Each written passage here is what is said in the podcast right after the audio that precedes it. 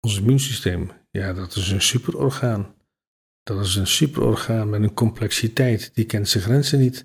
Er is eigenlijk maar één orgaan wat ingewikkelder is dan het afweersysteem. En dat is het brein. Leuk dat je luistert naar Immunologisch Toch, de podcast over het menselijk immuunsysteem, oftewel de verdediging van ons lichaam. Er is veel onduidelijk rondom ons immuunsysteem en steeds meer mensen gaan toch inzien dat wij al sinds de eerste mens op aarde beschikken over een geweldig verdedigingssysteem. Maar hoe logisch is dat systeem nou eigenlijk?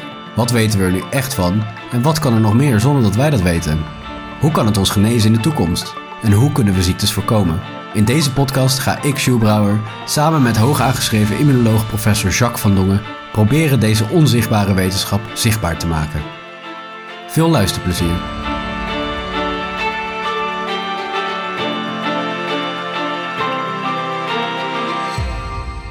Heel even terug naar het afweersysteem. Want wat zijn eigenlijk nou echt de hoofdrolspelers van ons afweersysteem en wat zijn hun functies, ongeacht de subpopulaties? De, de hoofdrolspelers zijn vooral de eetcellen, de macrofagen, ook de granulocyten, die eten vooral. Dan zijn er de cellen die de verschillende eiwitten moeten presenteren, aanbieden aan de, aan de andere afweercellen. Dat kunnen ten dele de macrofagen doen en de antigeen presenterende cellen. Dan vindt de activatie plaats van B-cellen dankzij onze T-cellen. De T-cellen zijn eigenlijk een soort ondersteunende cellen die B-cellen helpen in hun vermogen om antigeen te herkennen en de vervolgstappen te kunnen uitvoeren. Als je geen T-cellen hebt, dan zullen B-cellen die wel degelijk aanwezig zijn, toch hun taak niet kunnen uitvoeren. Dus dat is een cruciale celpopulatie. Vooral voor het maken van de antistoffen. Daarnaast zijn er nog T-cellen die direct indringende cellen kunnen kapotmaken, zogenaamde cytotoxische T-cellen. Die zijn echt toxisch voor andere cellen, killercellen. Daar hebben we ook een bijzondere groep van de natural killer cellen, de NK-cellen. Die kunnen dat ook. Samen met de CD8-positieve T-cellen hebben die een dergelijke functie. Dat is grofweg de indeling van de belangrijkste celpopulaties. En nu praten we alleen maar over de hoofdpopulaties. Niet over de vele, vele subpopulaties binnen deze hoofdgroepen. En eigenlijk kunnen deze hoofdgroepen ook niet zonder elkaar. Een, een eetcel die kan niet zomaar gaan eten, toch? Want hij moet weten welke, welke cellen die moet eten. En daarvoor zijn dus de aanbiedcellen, of ik zie het dan even als scanner, scanners, zeg maar, die, die scannen van waar. Dat is eigenlijk waar het begint dan, denk ik, toch? Uiteindelijk zijn ze allemaal afhankelijk van elkaar, maar ergens moet een start plaatsvinden. En de start is meestal het herkennen van, oh, dit is vreemd, dit ken ik niet, dit herken ik als raar. En dan zal een afweercel die eet, graanocyt of macrofaag, al heel snel in actie komen. Om dat vreemde materiaal op te ruimen en te verwerken. En dat verwerkingsproces, waarbij het vreemde materiaal helemaal kapot wordt geknipt en een kleine stukjes wordt aangeboden aan het afweersysteem, dat is een belangrijke startstap om de hele cascade van afweercelreacties in te zetten. Dat is wel heel mooi eigenlijk, ons systeem. Uiteindelijk is het een soort circulair systeem, want zodra de antistoffen eenmaal gemaakt zijn en het betreffende beestje, virus, bacterie, wat dan ook, opnieuw binnendringt, zullen antistoffen onmiddellijk reageren met dat beestje en wordt het voor zo'n vreedcel nog veel makkelijker om dat beestje te herkennen, dan gaat dat hele proces wat ik zojuist benoemde, gaat tien keer zo snel. Want zo'n eetcel heeft dus wel echt de andere nog nodig, toch? Want hij kan niet zomaar gewoon alles gaan eten, want dan krijgen we dus uh, wellicht, ik weet dat niet zeker hoor, maar bijvoorbeeld auto-immuunziektes, waarbij het immuunsysteem het eigen lichaam aanvalt, daar gaat het dus iets mis in de herkenning van, hé, hey, dit is vreemd, dit is niet lichaams eigen, en worden wellicht de verkeerde cellen aangeboden aan het immuunsysteem. Dan is meestal zijn het de T-cellen of de B-cellen die ergens een fout in gaan. En is de reactie van de weefselmacrofagen een gevolg daarvan. En wat de macrofaag dat zelf zomaar zou gaan doen, dat is zeer onwaarschijnlijk. Er zijn wel ziekten waarbij dat gebeurt, maar het overgrote deel van de auto-immuunziekten, dat, die wordt eigenlijk veroorzaakt door uh, foute stappen van onze T-lymfocyten of onze B-lymfocyten. Dus de foute herkenning van hetgeen wat eigen is, te zien alsof het vreemd is. En die antistoffen waar we het de hele tijd over hebben, die zijn eigenlijk een onderdeel van de B-cellen, toch? Ja, de antistoffen die worden aangemaakt eh, door eh, de B-cellen. Eh, ehm, als start zitten die an- antistoffen eerst op de B-cel. De B-cel herkent met zijn antistof. En dat kunnen wel 10.000 antistoffen zijn op de buitenkant van een B-cel. Kan die herkennen, oh, dit is een virus of een bacterie waartegen ik moet gaan reageren. En door die herkenningsstap wordt de B-cel geactiveerd. Die gaat vermenigvuldigen. Die kan uitrijpen tot een echte antistof producerende cel. Dus die antistoffen uitscheidt. En dan is het een antistoffabriekje geworden. En dat gaat met aantallen. Dat is onvoorstelbaar. Dat gaat met 10.000 antistoffen per seconde. Kun je je voorstellen? Dat is immense aantallen die aangemaakt worden. En in onze bloedbaan terechtkomen. En dus verspreid door het hele lichaam. Maar dat is nodig, denk ik. En dat is hard Hij nodig. weet ook niet welke, de, welke Exact. ziekteverwekkers er aanwezig zijn. Dus beter, better safe than sorry dan maar. En dat klopt, die worden aangemaakt gedurende een aantal weken massaal aangemaakt. En dan op een gegeven moment stopt dat, omdat de betreffende bacterie, virus, de binnendringer, is geneutraliseerd. Is in ieder geval voldoende bezet is met antistoffen en kan opgeruimd worden door ons eh vreedcelsysteem. Ehm, maar in, in die tijd van een paar weken nemen die antistofspiegels, de hoeveelheid antistoffen in de bloedbaan, ook geleidelijk weer af. Want het immuunsysteem gaat niet onnodig massaal antistoffen maken. Dus op een gegeven moment, als er geen virus of bacterie meer is, neemt de productie af. En dan verdwijnen die antistoffen weer uit onze bloedbaan. En dat is wel wat men zei, ook in de coronacrisis. Oh, mijn antistoffen zijn op. Ja, dat kan wel zijn. Maar je geheugencellen, de geheugen die zijn wel degelijk aanwezig. En kun je in één keer activeren met een vaccinatie. En dat is het mooie, dat je heel, heel nauwkeurig eh de B-celsysteem weer op kunt peppen. Om te zorgen dat als het seizoen daar is, dat je weer voldoende antistoffen hebt.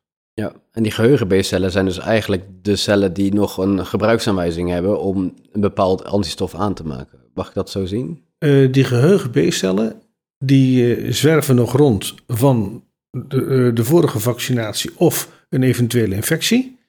De, de antistoffen die ze geproduceerd hebben, die zijn inmiddels uit de bloedbaan verdwenen. Maar bij hernieuwd contact worden ze onmiddellijk opgepept, gaan het, ant- het antigeen, het eiwit van het vaccin of een infectie herkennen, worden weer geactiveerd, vermenigvuldigen zich en nemen weer een aantal toe. En dat maakt het systeem steeds efficiënter. Dus ieder, ieder hernieuwd contact, want dat is toch niet goed uitgelegd op radio en tv, maar ieder hernieuwd contact, vaccinatie en of infectie, zorgt ervoor dat de B-cellen verder worden geactiveerd, dat hun antistoffen nog nauwkeuriger gaan passen op de betreffende eiwitten van de virus of bacteriën. En niet alleen dat, er komen nieuwe cellen bij, die toevallig op dat moment als naïeve B-cellen ook rondcirculeren en die dat eiwitje zien en ook weer gaan reageren. Dus eigenlijk komt erop neer dat een infectie ondersteund door vaccinaties je het afweersysteem steeds beter maakt. En dat betekent het hele fenomeen van hernieuwde contacten, dat is de kracht van het afweersysteem om daarop te kunnen reageren. En als je dat als jong kind meemaakt, wanneer je afweersysteem maximaal omvangrijk is en divers, als je als jong kind meemaakt, meermaals, dan heb je eigenlijk voor de rest van je leven een hele mooie set geheugencellen opgebouwd, die je continu ieder jaar of iedere zoveel jaar weer hergebruikt en opnieuw activeert, zodat je echt immuun bent. Ik denk dat het ook een mooi antwoord is op de vraag wat het immuunsysteem is. Want eh, nu ik dit zo allemaal heb gehoord, denk ik dat het immuunsysteem eigenlijk, tenminste het doel van ons immuunsysteem is om alleen maar te trainen. Het is alleen maar zichzelf eigenlijk Continu. aan het oefenen, trainen, Continu. testen. Klopt. Wat werkt er, wat werkt er niet. Precies zo. En omdat wij gelukkig die enorme diversiteit hebben van miljarden mogelijkheden, is er over de tijd heen is er zo'n selectie van de juiste B- en T-cellen die we nodig hebben om heel nauwkeurig al die verschillende bacteriën en virussen te herkennen, om, om zo'n set te selecteren dat je eigenlijk alles aan kunt wat je in je leven bent tegengekomen. Totdat je iets nieuws tegenkomt, compleet nieuw. En dat was coronavirus. En dat hadden we eigenlijk niet eerder meegemaakt, behalve in, ehm, in de, met de Spaanse griep in 2017, 2018. Tw- Sorry, ne- ne- eh, 1917, 1918. 100 jaar geleden. Ja. 100 jaar geleden, dat is de laatste keer geweest, en daarvoor natuurlijk heel veel andere bacteriën en virussen, maar 100 jaar geleden is de laatste keer geweest dat wij een, eh, een, een echt een nieuw virus tegenkwamen, de Spaanse griep. En, en dat, gat is dat, dat, dat ertussen zit, tussen toen en nu, is best in mijn ogen heel groot. Ja, Heeft dat nog ergens mee te maken? Is dat omdat ons afweersysteem eigenlijk eh, superieurder nu is dan 100 jaar geleden? Of is dat gewoon puur het feit dat we geluk hebben gehad, om het even zo te zeggen? ik denk dat het ten dele geluk is, want dit kan een, een, een compleet nieuw virus kan natuurlijk toch ergens ontstaan. En als de omstandigheden daar zijn voor hele eenvoudige verspreiding. En in dit geval kwam het vanuit China, vanuit Wuhan, waarbij toch nog steeds gespeculeerd wordt dat het een interactie is geweest tussen mens en dier. Waarbij door die curieuze interactie van virussen die overspringen tussen mens en dier, en niet, waarschijnlijk niet één keer, maar meermaals, dat proces heeft kunnen doormaken, dat daardoor een nieuw virus is ontstaan en geselecteerd. En dit was wel een heel bijzonder virus met een enorme aanhechtingskracht aan onze slijmvliezen. Veel meer dan bijvoorbeeld SARS-CoV-1. Want SARS-CoV-1 eh, kon ook aanhechten aan eh, eh, onze slijmvliezen, ook via het spike-eiwit. Maar de bindingskracht was eh, factor 15 à 20 minder dan van SARS-CoV-2. En daarom is SARS-CoV-1 waarschijnlijk een kleine epidemie gebleven. Maar SARS-CoV-2 is dus een massale wereldwijde pandemie geworden.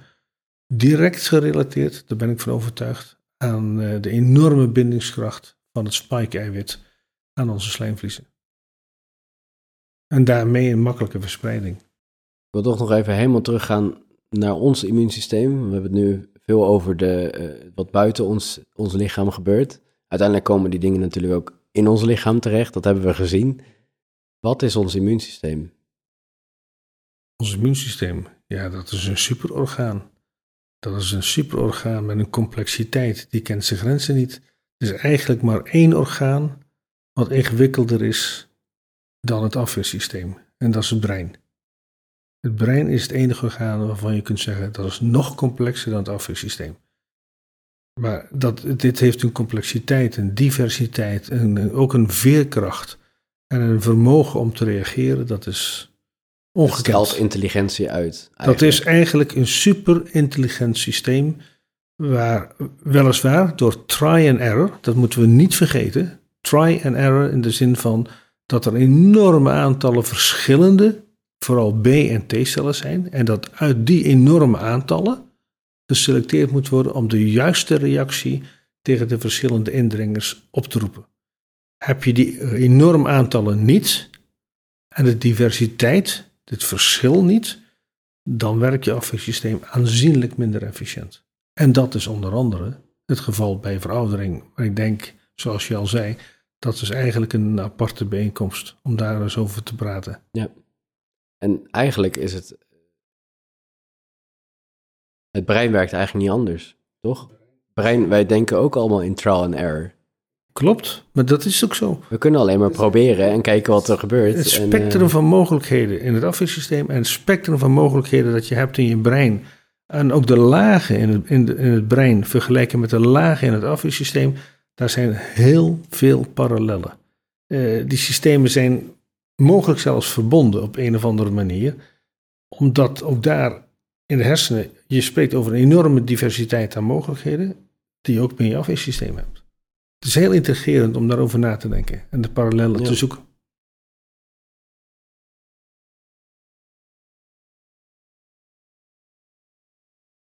Nou, gezien het een eh, introductionele eh, aflevering is over wat ons immuunsysteem is, zijn er nog dingen die we eigenlijk nog niet helemaal goed hebben belicht van wat ons immuunsysteem nou eigenlijk inhoudt?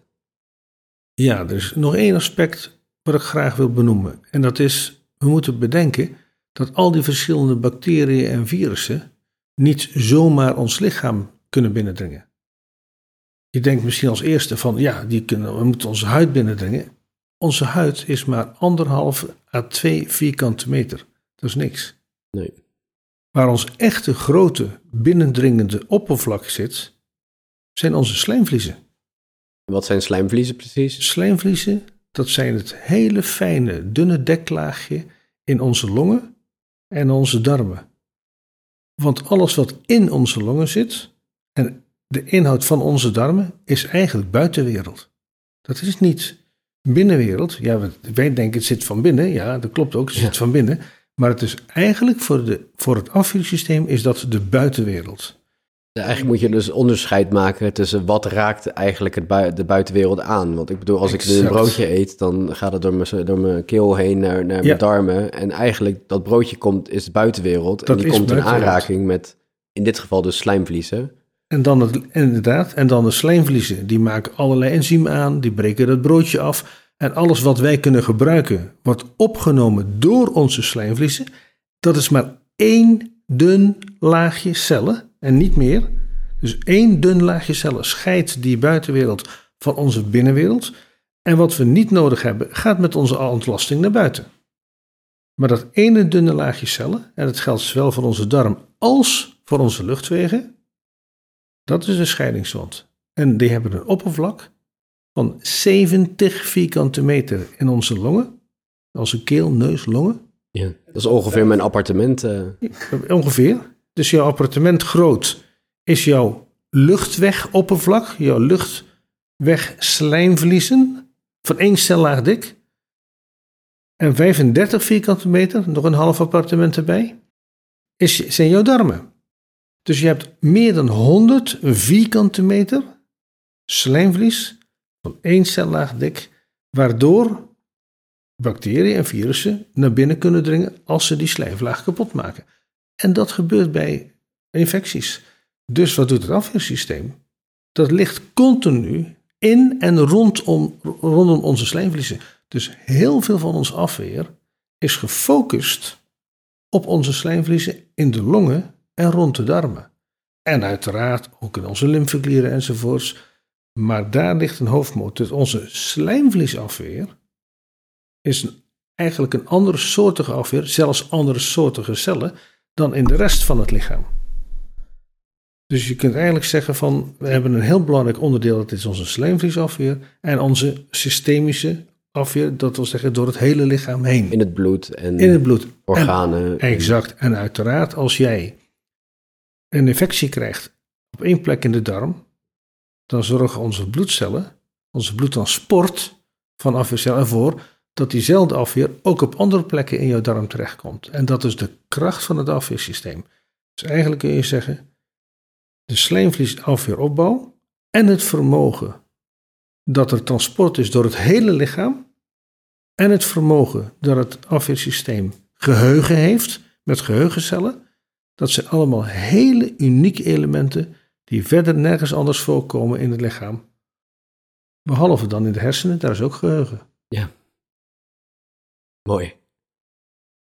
Ik wil toch nog even uh, benadrukken dat dus inderdaad die slijmvliezen zo'n heel dun laagje zijn. Ja. En dat daar juist het immuunsysteem op concentreert. Als we dan toch weer even het leger, het legertje wat we in ons lichaam dus hebben, als we dat metafoor erbij pakken, dan is de slijmvlies dus eigenlijk de frontlinie. De, de voorste, de eerste, daar gaat het gevecht plaatsvinden. Wel, als de tegenstander daar doorbreekt, ja, dan moeten we onze kerken gaan verdedigen. Dan moeten we andere uh, belangrijke uh, snelwegen of, of treinsporen gaan verdedigen. Maar zodra de, de tegenstander niet door onze frontlinie breekt, zitten we eigenlijk goed. Dan heeft dan is het fantastisch. het andere systeem niet eens nodig. Dat is als je daar een prachtig grenswachtsysteem hebt. en dat zijn vooral onze antistoffen in het slijm op onze slijmvliezen. Daar zit een speciale antistof dat is niet de standaard antistof, de IgG in onze bloedbaan, maar IgA. En IgA is een hele speciaal type antistof die makkelijk beschermd kan worden met een ander eiwitje. Die vouwt zich om IgA heen, zodat onze knipenzymen, onze protease-enzymen in het slijm, deze antistoffen niet kapot kunnen maken. Dus heel Ze worden beschermd. Ze worden beschermd, IgA-antistoffen tegen bacteriën en virussen in onze darmen en onze luchtwegen, die worden beschermd door een speciaal eiwitje wat om die antistoffen is heen wel heel belangrijk om te benadrukken. Dat we nu inderdaad weten we ook waar, waar ligt die frontlinie, waar kunnen virussen, ziekteverwekkers, waar, komen, waar begint deze, de, nou, ik noem het maar even de oorlog in ons lichaam. Waar begint dit? Het is dus aan de slijmvliezen, darmen en longen. En heel veel mensen denken de huid. Eh, behalve, denk ik, als je een wondje, open wondje hebt. Klopt. eh, zal er niet veel door je huid heen komen. Heel weinig, dat is dus heel weinig infectie. Als er infecties zijn, dat is af en toe met een uh, staphylococ. Of een enkele keer als er, uh, dat met ander vies materiaal is een Escherichia coli, maar meestal een staphylococ. Of in de tuin zou je tetanus kunnen oplopen. Heel zeldzaam. En door onze tetanusvaccinatie, we zorgen de tetanus antistoffen voor dat je daarvan niet ziek wordt. Of maar deze kunnen door de huid heen dringen. Nou, dit of, zijn wondjes. Of door de dus wondjes. Door, door een ja. doorn of door een beet, rabies, uh, ja. ons dolheid. Dat is een beet door de huid heen. Ja, en dan moeten er antistoffen zijn die die bacteriën en virussen neutraliseren. En dat gaat bijna altijd op basis van vaccinatie. En dat is veel moeilijker doorheen te komen natuurlijk dan de slijmvliezen. Omdat de slijmvliezen één laagje cellen zijn en de huid zijn... Oh, dat zijn uh, minimaal zes, maar meestal acht of tien of nog ja. meer.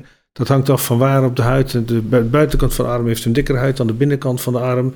Uh, ja, oudere mensen hebben dunner huid dan jongere mensen. Dus de al, leeftijd. Veel variabelen. Heel, heel maar het variabelen. komt erop neer dat het wel sterker is Absoluut. dan de slijmvliezen uiteindelijk. Zeker, zeker. En dat is waarom een groot deel uiteindelijk, een groot deel van het afweersysteem bezig is in en rondom onze slijmvliezen.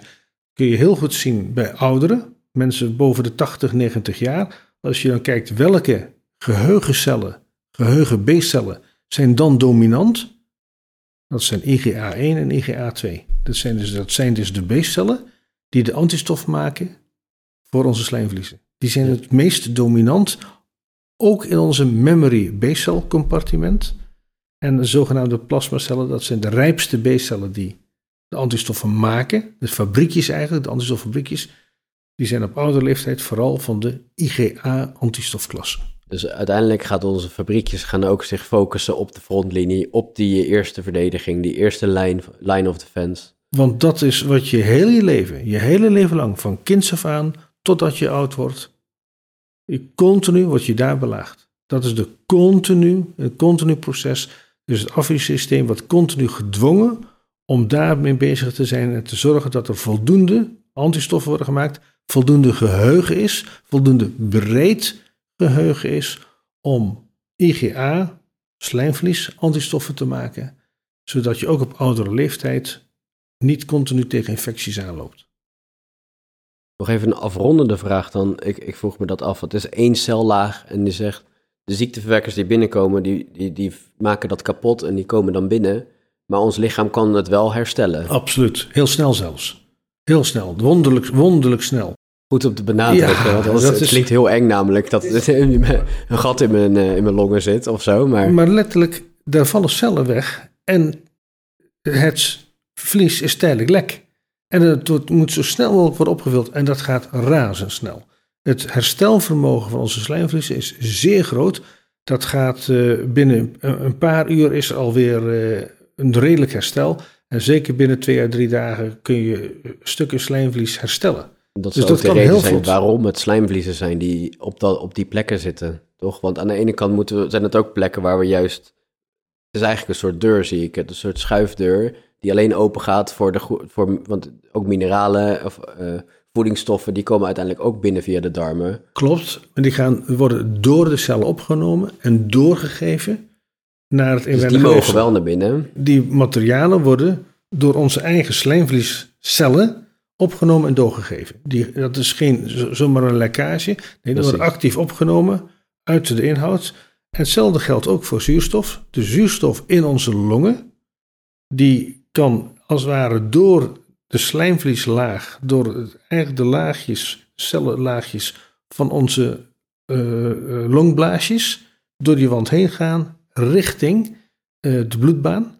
En daar terechtkomen in onze rode bloedcellen. Want de rode bloedcellen, dat zijn de cellen die in de longen de zuurstof komen ophalen voor de rest van het lichaam.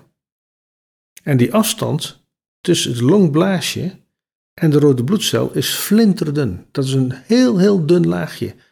Uh, om maximaal de zuurstof uit de longen te kunnen opnemen naar de rode bloedcellen. Hoge efficiëntie, anders Su- super efficiënt. hetzelfde met het, als je naar je werk gaat en je moet een uur reizen, minder efficiënt dan als je er- ernaast woont.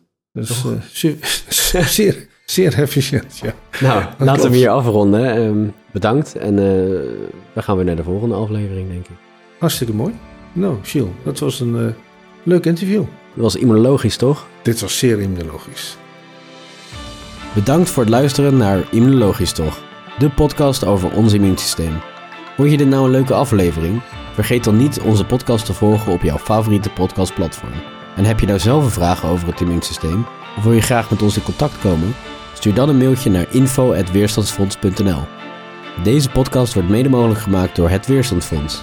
Kijk dus ook even op weerstandsfonds.nl voor meer informatie. Heel graag tot de volgende aflevering.